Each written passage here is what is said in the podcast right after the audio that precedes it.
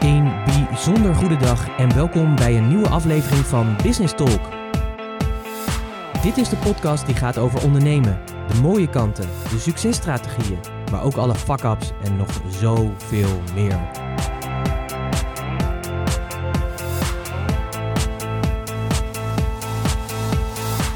Mijn naam is Pieter Hensen, ik ben de gastheer van deze podcast en in het dagelijks leven ben ik raadgever voor leiders die impact willen maken. En als ondernemer ben jij een leider, dus welkom. Dit is de plek speciaal voor jou, waar je nieuwe ideeën en inzichten krijgt die jij weer kan vertalen als leider van en voor jouw bedrijf. Een moment om dieper door te denken en een plek met real talk. Alles met als doel dat je meer impact hebt. Dus let's talk business. Bijzonder goede dag en welkom bij weer een nieuwe aflevering van Business Talk. Ik voel me echt heel erg goed terwijl ik deze intro inspreek, want de host van deze podcast, Pieter Hensen, zit tegenover mij mij heel hard uit te lachen. Maar dat maakt niet uit. Leuk dat je er ook bij bent, Pieter. Zeker, hartstikke fijn. Wat, eh, eh, wa- waar, waarom moet je lachen? Gewoon omdat, eh, omdat jij nu de intro doet. Ah, ben je niet gewend, hè? Zeker, en als autist ga ik, er helemaal, eh, ga ik helemaal in de bab. Dus dit wordt, eh, dit wordt een freestyle podcast, denk ik. Oké, nou dat is goed. Als we dan toch gaan freestylen, dan eh, begin ik met de vraag, wat heb jij vanochtend gedaan? Ik heb vanochtend een eh, video gekeken van eh, Seth Godin. een video gekeken van Seth Godin. Oké, eh, d- is dat alles wat je gedaan hebt deze ochtend? Of was het gewoon een video die langer duurde dan drie Ik heb minuten? wat eh, rekeningen betaald, maar dat is, niet zo, dat is niet zo interessant. Nee, deze video duurde 2,5 uur. eh, maar gelukkig kunnen we anderhalf eh, keer snelheid doen, dus dat scheelt. Dus daardoor was het een uur en een beetje. Ja, Seth Godin, hele interessante gast. de marketinggoeroe aller goeroes, zou ik maar zeggen. Ik dus, weet nog dat ik mijn eerste boek van hem kocht ook. Ja? Welk- Purple Cow. De Purple Cow, ja. ja. Over onderscheidend zijn eh, in je marketing. Of in je bedrijf überhaupt. Dat, eh. En waar ging het? eh, waar, waar vertelde onze goeroe aller goeroes over? Het ging over een aantal dingen. Het was een talk voor een bepaalde groep mensen. En het leuke was, hij had ook wat hot seats. Dus dat is ook leuk. Dus dat die mensen eruit haalt en dan nou ja, met hun een beetje doorzaagt om ze tot een, beter, tot, een be- tot een beter inzicht te brengen. Dus dat was goed. Het ging over een aantal dingen. Het ging over dat je eh, moet kiezen voor een zo klein mogelijk minimaal publiek. ja? Dus dat is ook een interessante. We hebben het natuurlijk heel vaak over de massa en dat soort dingen, maar eh, daar ging het over. Het ging over storytelling, dus dat je echt moet aansluiten, in ieder geval met verhalen de verbindingen moet maken. En in die verbinding zit meteen ook van, eh, dat was ook een beetje van de vraag, je zou eigenlijk kunnen zeggen van in je business heb je eigenlijk twee dingen die je doet. De ene kant is status verhogen, zou je misschien zeggen, oh, status verhogen. Eh, en de andere kant gaat over affiliation, dus zeg maar over... ehm, De mensen die zich bij jou betrokken voelen. Ja, bijvoorbeeld, of die verbinding voelen, of in ieder geval de verbinding, zou ik maar zeggen. hè. Dus dat kan een community zijn, maar...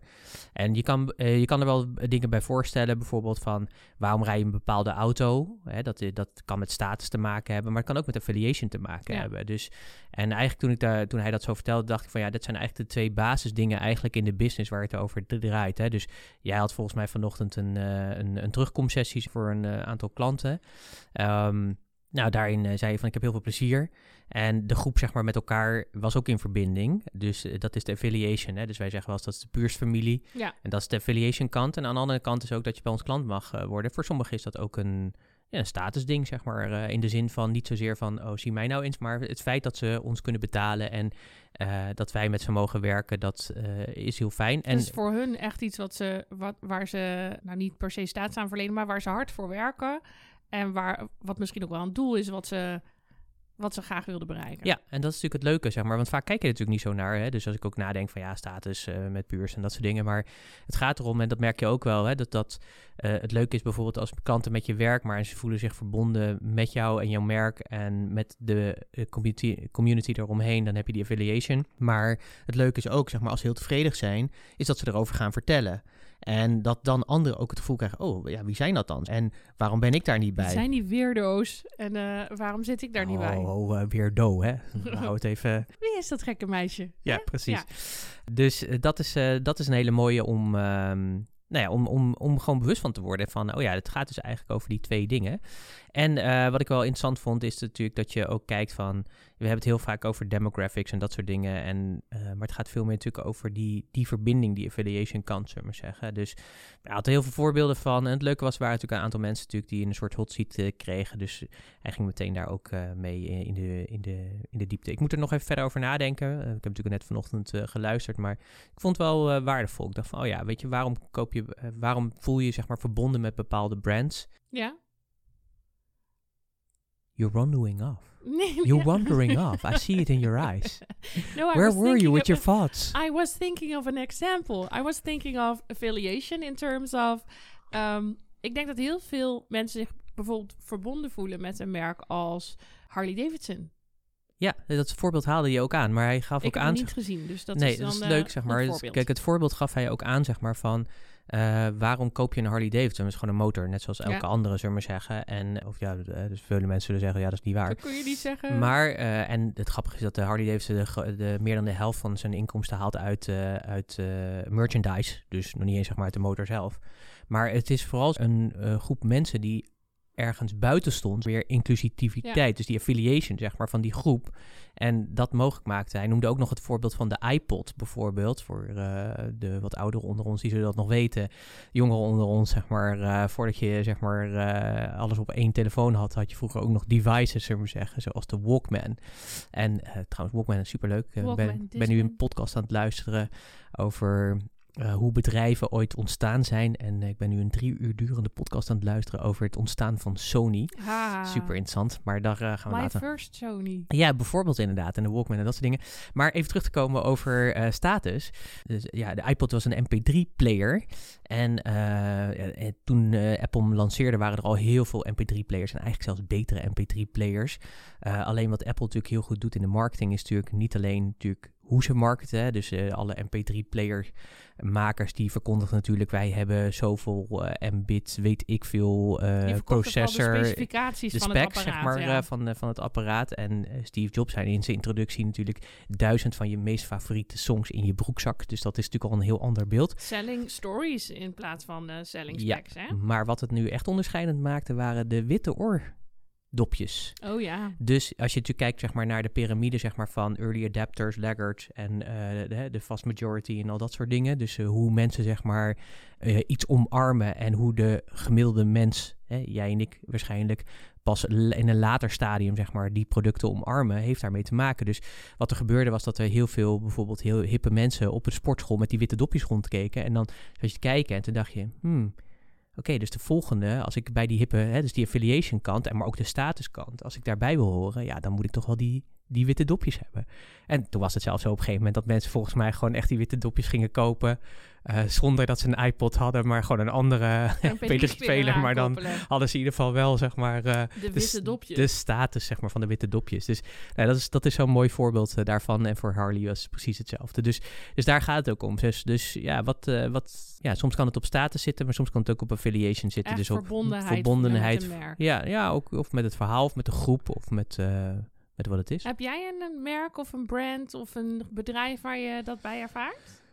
Uh, ja, honderden bedrijven. Nou, nee, honderden is misschien een beetje overdreven, maar bij wel veel bedrijven. Um, ik denk, uh, Apple heb ik het sowieso. Uh, maar er komt, ik heb twee boeken van Apple gelezen. De eerste ging over de biografie van Steve Jobs.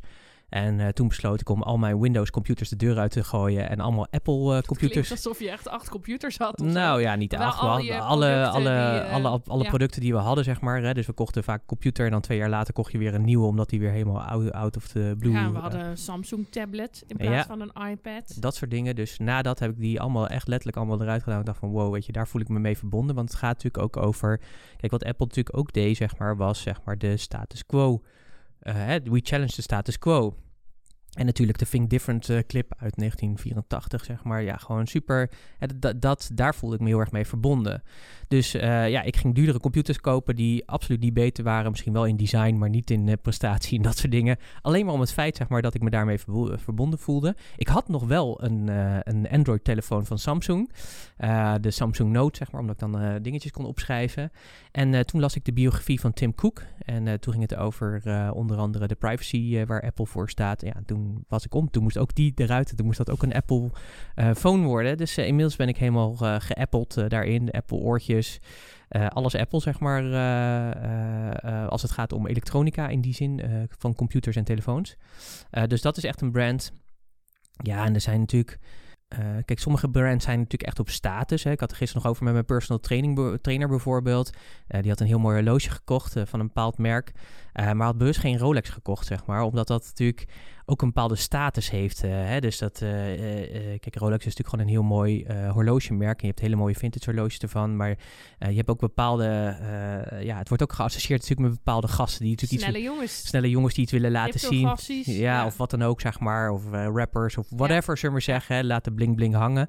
Ja, wil je daarmee geassocieerd worden? Dus dat is denk ik ook het interessante voor een merk. Dat uh, dat ook ontstaat. Hè? Dat, je, uh, dat dat dus ook uh, gebeurt. Ik denk ook aan Rolls-Royce, natuurlijk een, een, enorm klassiek merk waarin alles handgemaakt wordt. Echt super mooi. En ja, dan heb je natuurlijk van die zo'n laatste programma waar een, een of andere voetballer zijn Rolls liet pimpen. Dat je echt denkt, ah, dit is gewoon echt pure verkrachting van het hele merk. maar ja, ja, ja, lang leven de vrijheid en de expressievrijheid, zeg maar, daarin. Um, dus dat vind ik mooi. Maar ik heb het ook met, um, ja, met bepaalde kledingmerken of dat soort dingen. Gewoon dat je gewoon de stylishness ervan, zullen we zeggen. Hè? Understated luxury, dat, uh, daar zijn we nog wel van.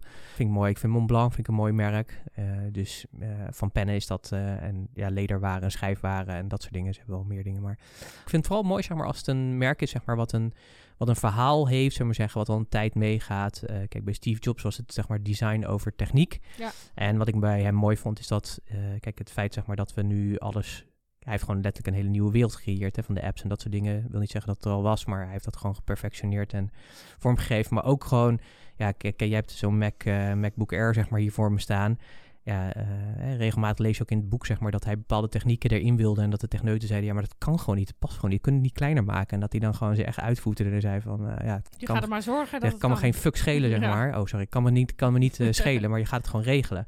En het toffe daarvan is, is dus dat je je visie hebt, in zijn geval over design, over techniek, is dat design dus wint. En dus dat er dus altijd een oplossing was. Want daarmee werden deze gasten natuurlijk ook gechallenged. Want ze konden natuurlijk niet de volgende keer aankomen bij Steve en zeggen, ja, sorry, het is ons nog niet gelukt natuurlijk. Dus het is een totaal andere uh, nou ja, realiteit die dan gecreëerd nou ja, wordt. Het is wel mooi, want Seth Godin zegt ook... de best form of remarkability is design. Dus de beste vorm om op te vallen is dus iets wat, wat Apple in deze zin... dus echt heel, heel, heel goed heeft gedaan. Ja, zeker. Maar je ziet ook, dat is wel leuk zeg maar, want ik heb natuurlijk ook een aantal boeken natuurlijk van hem gelezen. En je ziet natuurlijk dat de wereld aan het veranderen is. Dus, uh, en je ziet ook dat zijn uh, boodschap nu ook aan het veranderen is. Op basis natuurlijk gewoon hoe de wereld aan het veranderen is. Dus dat van vind Zet, ik. Ja. Van Zet. Dus dat vind ik ook wel mooi om, uh, om te zien. Dus, nou, dus, dat is, ik, maar ik denk dat dat ook wel moet. Als je altijd vasthoudt aan dezelfde boodschap voor eeuwig, terwijl de wereld verandert en jij niet meebeweegt. Ja, dat kan wel. In sommige branches zou dat kunnen. Maar het lijkt me dat het feit dat je meebeweegt, onderzoekt en aanpast ook wel een teken is dat je juist tuurlijk, onderdeel nee, bent van deze wereld. Tuurlijk, nee, maar het is, gewoon, uh, dat is gewoon interessant om Ja. te zien, zeg maar. Als je dus gewoon uh, zijn boeken over de tijd heen leest, dan zie je een bepaalde trend. Natuurlijk heeft hij natuurlijk ook zijn visie, zullen we zeggen, maar je ziet nu ook echt, hè, dat, dus dat hij kijkt van, ja, wat, wat is nou precies die kleine groep? Of hij had ook bijvoorbeeld niet over een elevator pitch, maar over een elevator question, zeg maar. Ja. Vond ik ook een hele mooie, want dat vond ik wel leuk dat hij zei ook van, ja, weet je, heb jij wel ooit wel eens wat in een, in een hè, de gedachte bij een elevator pitch is natuurlijk dat je als je, je stapt in en op de derde verdieping heb je verteld in een minuut wat je precies doet en dat soort dingen. Maar hij zegt, ja, ik heb nog nooit iets in een elevator gekocht, dus wat een onzin is dit, zullen we maar zeggen. Ja. Maar het is interessanter, zeg maar, dat hij zegt van dat je een elevator question hebt, waarmee je iemand, zeg maar, een vraag kan stellen. En dat hij zo geïntrigeerd is dat hij, als je op de derde verdieping uitstapt, dat hij achter je aanloopt en zegt van, maar leg, hè, ge- Ja. geef me meer, Ja, give me more, ja. zeg maar, daarover. Dus dat vond ik ook wel een mooie zienswijze. Van, Nou eh, ja, ook omdat het dus... Ik denk dat dat als we het dan hebben over Seth Godin... is natuurlijk echt de koning van de marketing. Als je het hebt over marketing, dan, gaat, dan zijn er nog steeds heel veel bedrijven... die het altijd blijven gooien op... dit zijn wij, dit is ons verhaal. Uh, maar even los van dat... Uh, uh, ik haal Apple hier even los van... maar het gaat ook echt wel om... wie is die klant waarvoor je dingen maakt... En uh, ik denk dat Steve Jobs vooral ook heel veel dingen maakte, omdat hij ze zelf leuk vond en prachtig vond. En dat daar een hele so soort van grote groep omheen is gekomen. Maar dat er ook heel veel servicegerichte bedrijven die klant juist beter die vraag kunnen stellen aan die klant dan altijd maar hun eigen verhaal kunnen bombarderen. Ja, dat was ook mooi, want dat, dat, hè, dat was natuurlijk zeg maar ook in, uh, in deze talk uh, ging natuurlijk ook wat hot seat zeg maar. Hè? Dus dan had hij ook gewoon een soort kader. En moesten mensen natuurlijk ook even aangeven, zeg maar, van, eh, nou eh, wat doe je en dat soort dingen. En dat heel veel mensen inderdaad dat, dat doen, zeg maar. Maar dus niet, niet echt kijken van, ja, wat, wat, is, wat, is, de wat is de behoefte eigenlijk? Hè? Dus wat, wat, is, eh, ja, wat is echt nodig? En ja, vooral zeg maar in die affiliation kant, zeg maar, gaat het natuurlijk over connectie natuurlijk. Hè? Dus als je, kijk, ehm, alles is al gedaan, alles is al gemaakt, Ja. zeg maar. Hè? Dus hij zei ook van, eh, ehm, ja, heel veel dingen eh, waar we vroeger echt heel veel moeite voor moesten doen, ja, kan nu gewoon, weet je, is Ja. gewoon, je wordt bijna gefrustreerd, zeg maar, als het er niet binnen twee minuten, twee seconden is. Dus de kunst is natuurlijk ook om te kijken van, niet alleen te kijken van, ja, wat, wat, wat is het eh, resultaat of zeg maar, wat, wat, het leven, wat, wat, wat is de convenience, zeg maar, dat je mensen oplevert. Ja. Hè? Dus bijvoorbeeld, waarom is Google zo'n goede zo- zo- eh, zoekmachine geworden? Is omdat zij gewoon in één seconde tijd ja, jouw, jouw vraag opgelost hebben. De meest relevante antwoorden op jouw vraag geven. Precies, precies, weet je. En dat, eh, ja, en, eh, als nu het internet een beetje traag is, dan zijn we al gefrustreerd dat we in plaats van één seconde, drie seconden moeten wachten. En dat is wat het is. Dus kijk, dat zij die ziekmachine en alles met data eromheen doen, eh, ja, dat is hun vorm geworden, zullen we maar zeggen. Ehm, maar zij zagen natuurlijk gewoon, eh, ik denk dat ze zelf natuurlijk eh, dat ervoeren. Zo is het natuurlijk met veel gegaan, met Airbnb en al dat soort bedrijven. Eh, ja, eh, Uber, eh, noem maar op. Hè. Het zijn natuurlijk allemaal vormen zeg maar, van frustraties. Ja. Of dat je denkt van ja, die, die service kan gewoon, eh, kan gewoon beter. Of het kan gewoon, ja, het resultaat of daar waar je tegenaan loopt, zeg maar, kan gewoon een betere oplossing voorkomen. Ja, super interessant. Dus eh, ja, het was weer waardevol om eh, die tijd eh, daarin te steken. En het leuke is, we hebben er nu een, een amusante podcastaflevering over. Ja. Oh. Maar ja, het is natuurlijk wel waar. Ehm, en, en ik denk dat op het moment dat je er als bedrijf in slaagt om die affiliation of die status voor jezelf te bevestigen bij onder, onder mensen, dat je daarmee ook klanten voor het leven kunt gaan creëren. Ja, in ieder geval. In ieder geval eh, ik ga nooit meer een Windows computer kopen hoor. Eh, nee, al is het alleen maar zeg maar om het feit dat toen, toen ik overging, zeg maar, een hele echt eh, een half jaar zeg maar gedragsverandering heb moeten plaatsvinden omdat ik niet begreep hoe die, eh, hoe die Apple werkte. en nu is het andersom. Ja, nu is het Dus andersom, ja. nu, nu doe ik bij mijn moeder nog wel eens even helpen met de administratie en dat soort dingen. Die heeft nog een Windows laptop. Nou, echt super frustrerend als bepaalde toetsencombinaties in één keer niet meer werken en dat soort dingen. Nou ja, bijvoorbeeld inderdaad. Ja. Maar ook ja. eh, eh, nee, maar dat klopt. De- die merktrouw die is er denk ik wel Ja. gewoon. Ook wel van buiten innovatie en waarvoor ze staan en waarvoor ze gaan. Ehm, wat wilde ik er nog meer over zeggen? Zeg jij het eens even wat ik daarover wilde zeggen. Oh ja, ik vond het, nou ja, dus voor mij was het inzicht zeg maar van die, die status en affiliation. Dus als ik terugdenk over Purst, hoe we bijvoorbeeld de Purst Ondernemersacademie in 2014 ont, ontwikkelden, zijn Ja. we echt... eh, en hoe we zeg maar met de masterclasses, hè, dat, do- dat doen we nu eigenlijk eh, ja, gewoon niet of nauwelijks meer. Eh, maar dat die affiliation kant eigenlijk best wel belangrijk is, zeg maar. Om, Ik merkte het vanochtend nog. We waren maar met een klein groepje, maar de, de, de verbinding die mensen ervaren onderling, ja, die moet ik echt, die moet ik, maar die moeten we ook echt niet onderschatten. Dat, er zijn mensen die het ook echt als een cadeau aan zichzelf zien, terwijl wij denken, oh, even die sessie doen. En dat klinkt alsof we er heel plat naar kijken, maar ja, voor ons is het ook gewoon werk. Soms wel, ja. Ja, ik heb er heel veel plezier in. En iedere keer denk ik ook wel, oh ja, ik vind het echt heel leuk. Maar dat een ander het ook leuk vindt en dat ze daarin dingen eh, vinden, ja, dat, eh, dat vind ik eigenlijk wel een heel groot cadeau. Ja, dus eh, onbewust hebben we gewoon die affiliation en die status gewoon al ge, geïncorporeerd in de business. Ja. ja. Ja. Interessant. De Burstfamilie. Ja. En dat is ook, ehm, je vindt het niks, hè? Jou niet zo van familie. Nee, eh, ik, Alles is familie, hè? Alles is familie. Ehm, ja, wat dat betreft, als ik kijk naar... Ik ben helemaal niet heel erg eh, merktrouw. Aan de andere kant, ja...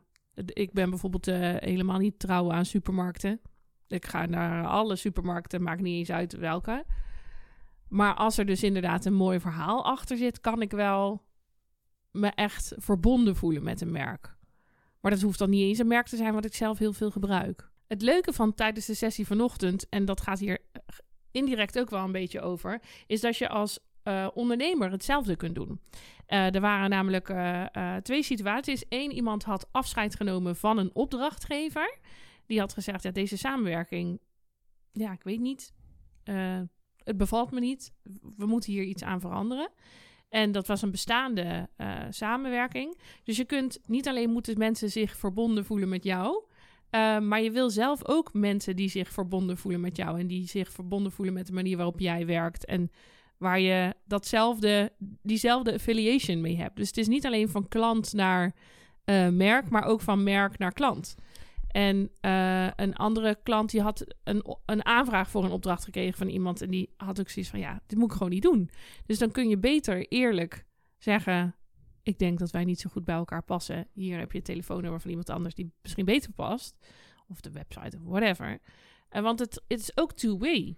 Ja, absoluut. Uh, het mooie was, zeg maar, uh, in die talk uh, was er een hot seat van een dame die leverde CFO's, dus part-time CFO's, dus dat is Chief Financial Officers. Dus, en dat doet zij, zeg maar, aan bedrijven ja, waar het meestal, die eigenlijk naar next level moeten of waar het even niet goed mee gaat. Hè? Dus dat de, de financiën echt even op orde worden gezet. Toen was natuurlijk ook een beetje de vraag van, ja, hoe verkoop je dat? Want natuurlijk voor een CEO die een CFO, zeg maar, part-time inhuurt, is dat eigenlijk niet echt een cool verhaal, zeg maar. Hè? Nee. Vanuit hun status gezien is dat geen cool verhaal. Dus hoe kan je die narrative, hoe kan je dat verhaal veranderen?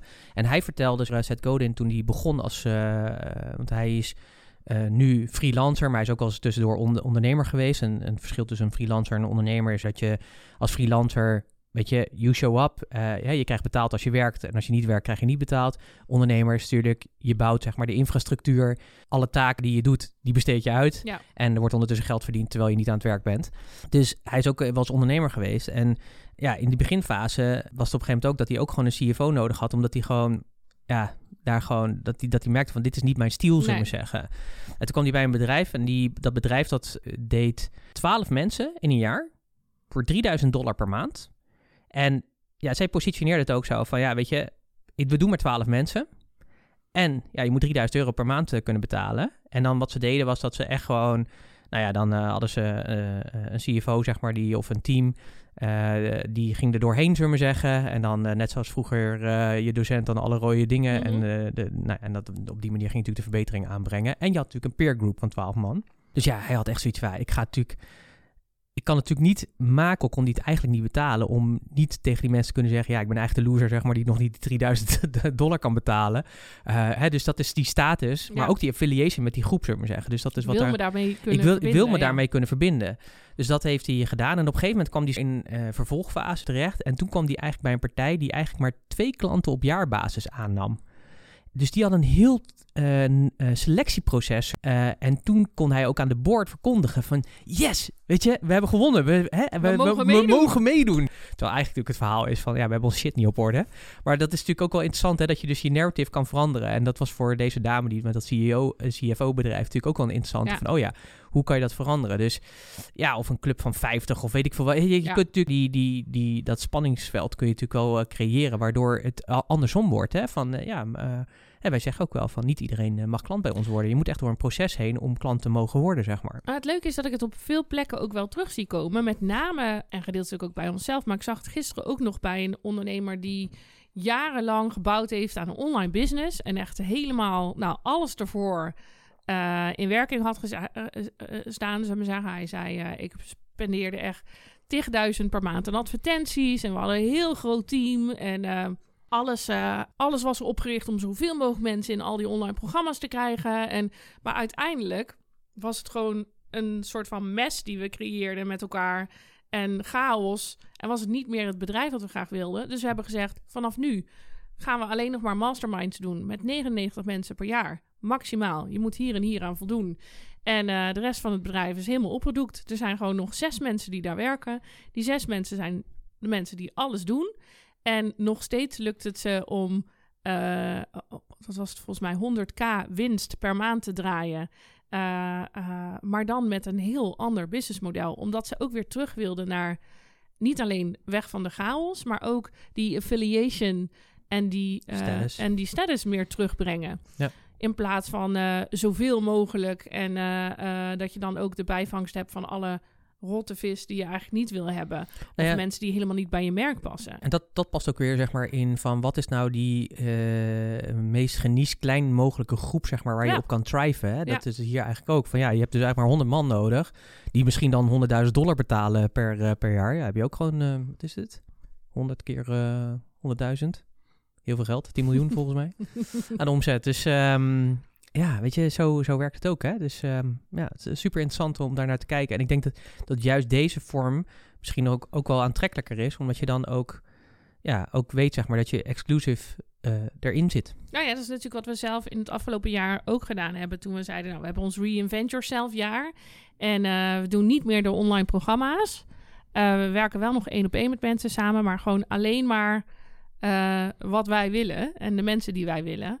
En daardoor is het een heel ander jaar geworden dan het jaar daarvoor. Zeker. Toen we nog, of de jaren daarvoor, toen we eigenlijk vooral nog op online programma's zaten. Ja, ja toen was, ja, toen was ja, inderdaad gewoon een ander verdienmodel, ja. andere tijd denk ik ook.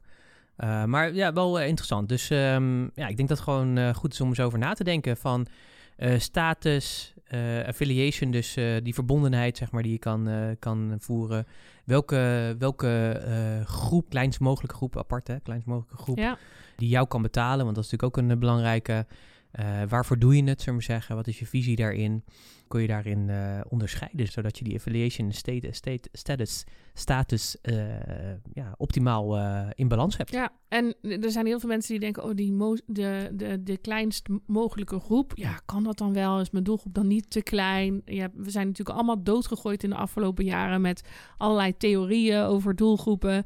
Maar er zijn zelfs mensen die maar een doelgroep hebben van, nou ja, 15 bedrijven in een land, die alsnog een heel uh, succesvol bedrijf kunnen hebben.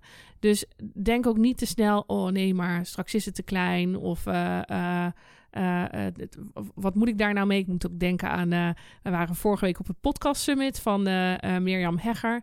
En zij zei, ja, iemand zei ooit, ja, podcast, dat is veel te geniest. Die doelgroep is niet groot genoeg in Nederland. Ja, dat is natuurlijk onzin, want er zijn, heel veel, er zijn heel veel mensen die erover nadenken en mee bezig zijn. Dus durf ook die smallest viable groep, zullen we zeggen, voor jezelf te kiezen. En wees niet te bang dat die te klein is. Nee, dus denk ik uh, juist zeg maar doordat je die kiest, word je dus ook aantrekkelijker. Spreek je beter de taal, heb je meer die affiliations, verbinding. Je verhaal wordt ook duidelijker, wordt aantrekkelijker. En daardoor kun je denk ik ook betere prijzen vragen. Dus meestal is juist die niche kant meer garantie voor succes. Zeker ook in deze tijd, omdat je als je kijkt natuurlijk naar hoe de wereld op dit moment in elkaar steekt. Ja, weet je, als je voor de grote massa wil gaan, ja, dan moet je ook gewoon echt groot geld hebben om gewoon te kunnen investeren en daarvoor te gaan. Ja, en anders ben je gewoon het gemiddelde. Ja, het gemiddelde is net niks, zeg maar. Dus uh, dan zit je in een, in een, in een mode ja, waar iedereen een beetje zit, dan is het een beetje, ja, tenzij je dat prettig vindt hoor, als je het convenient houdt en dat soort dingen. Maar ik denk dat de keuzes, bijvoorbeeld zoals je net vertelde over dat ene bedrijf wat dan terug is gaan schalen naar 99 mensen in een jaar.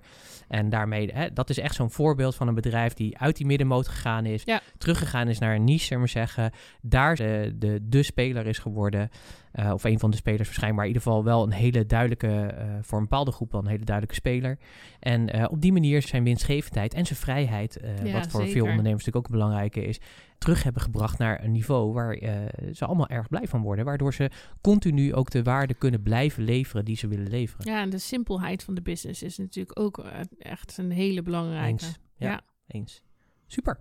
Leuk. Ik ja. Eh, ben heel benieuwd. Ik ga die talk ook maar eens kijken, denk ik. Uh, Zou ik uh, doen. En uh, voor alle mensen die denken, ook, oh, ik vind het ook echt heel interessant.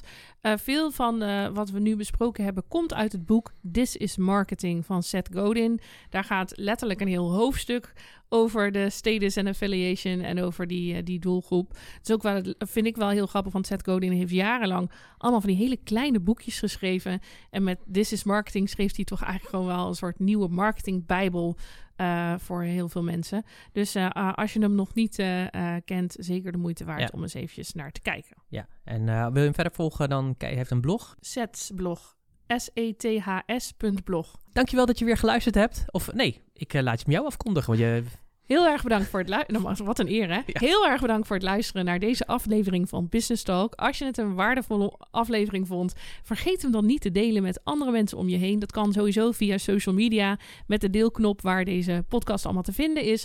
Maar je mag hem natuurlijk ook in een linkje gewoon ouderwets opsturen naar iemand waarvan je denkt, ja, deze affiliation met deze mensen, die past ook wel bij jou.